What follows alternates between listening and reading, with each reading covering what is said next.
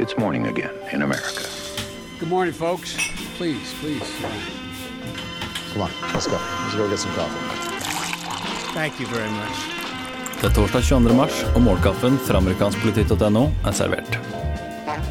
Det hvite hus ble i går enig med lederskapet i Huset og Senatet om en midlertidig finansieringspakke som finansierer de føderale myndighetene ut september, dvs. Si da ut budsjettåret.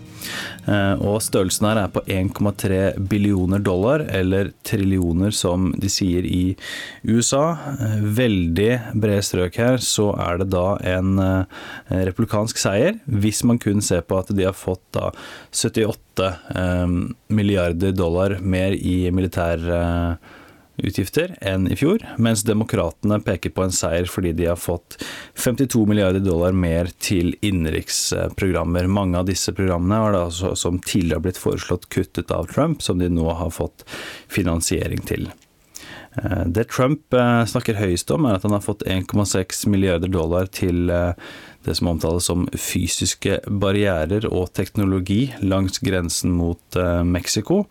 Eh, det er ikke mye sammenlignet med andre ting. F.eks. for eksempel så er det 21 milliarder dollar til infrastrukturprosjekter i USA eh, rundt omkring i landet, noe som sier litt om prioriteringene her. Selv om denne såkalte muren er en symbolsak for Trump, så er den ikke finansiert like mye som andre saker i denne foreslåtte finansieringspakken. Det er altså f.eks. brukt to milliarder dollar mer på å bekjempe denne eh, opiodkrisen eh, i USA.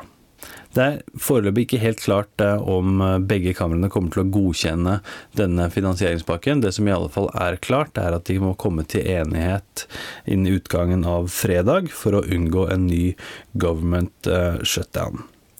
En hakket mer eh, klikkvennlig sak, om vi skal si det på den måten, er at eh, ABC News de rapporterer at Andrew McCabe, den tidligere visedirektøren i FBI som fikk sparken to dager før han kunne gå av med full eh, pensjon, skal visstnok ha åpnet en etterforskning mot justisminister Jeff Sessions i fjor.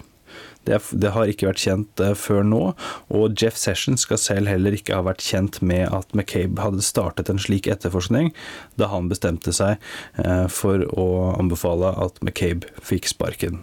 Og bakgrunnen for at McCabe i sin tid eh, startet en etterforskning mot justisminister Sessions, er eh, mistanker eh, om at Sessions ikke spilte helt med åpne kort, og ikke snakket helt ærlig om sine kontakter med Russland og russere under 2016-valgkampen, da han vitnet foran Kongressen.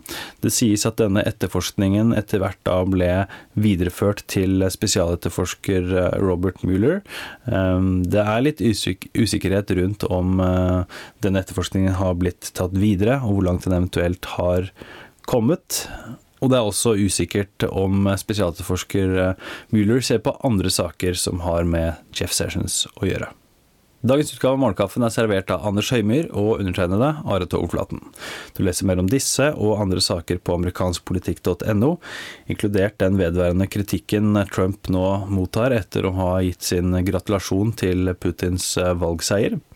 Og for at vi skal gjøre podkasten her enda litt bedre, så trenger vi feedback og innspill fra deg som hører på. Du går til ampol.no kaffetips. Lenka skal du også finne i podkastappen din. Bruk ett minutt, så kan du bli med i trekningen av en eksklusiv Ampol-kopp. Setter vi stor pris på det. Og så snakkes vi i morgen.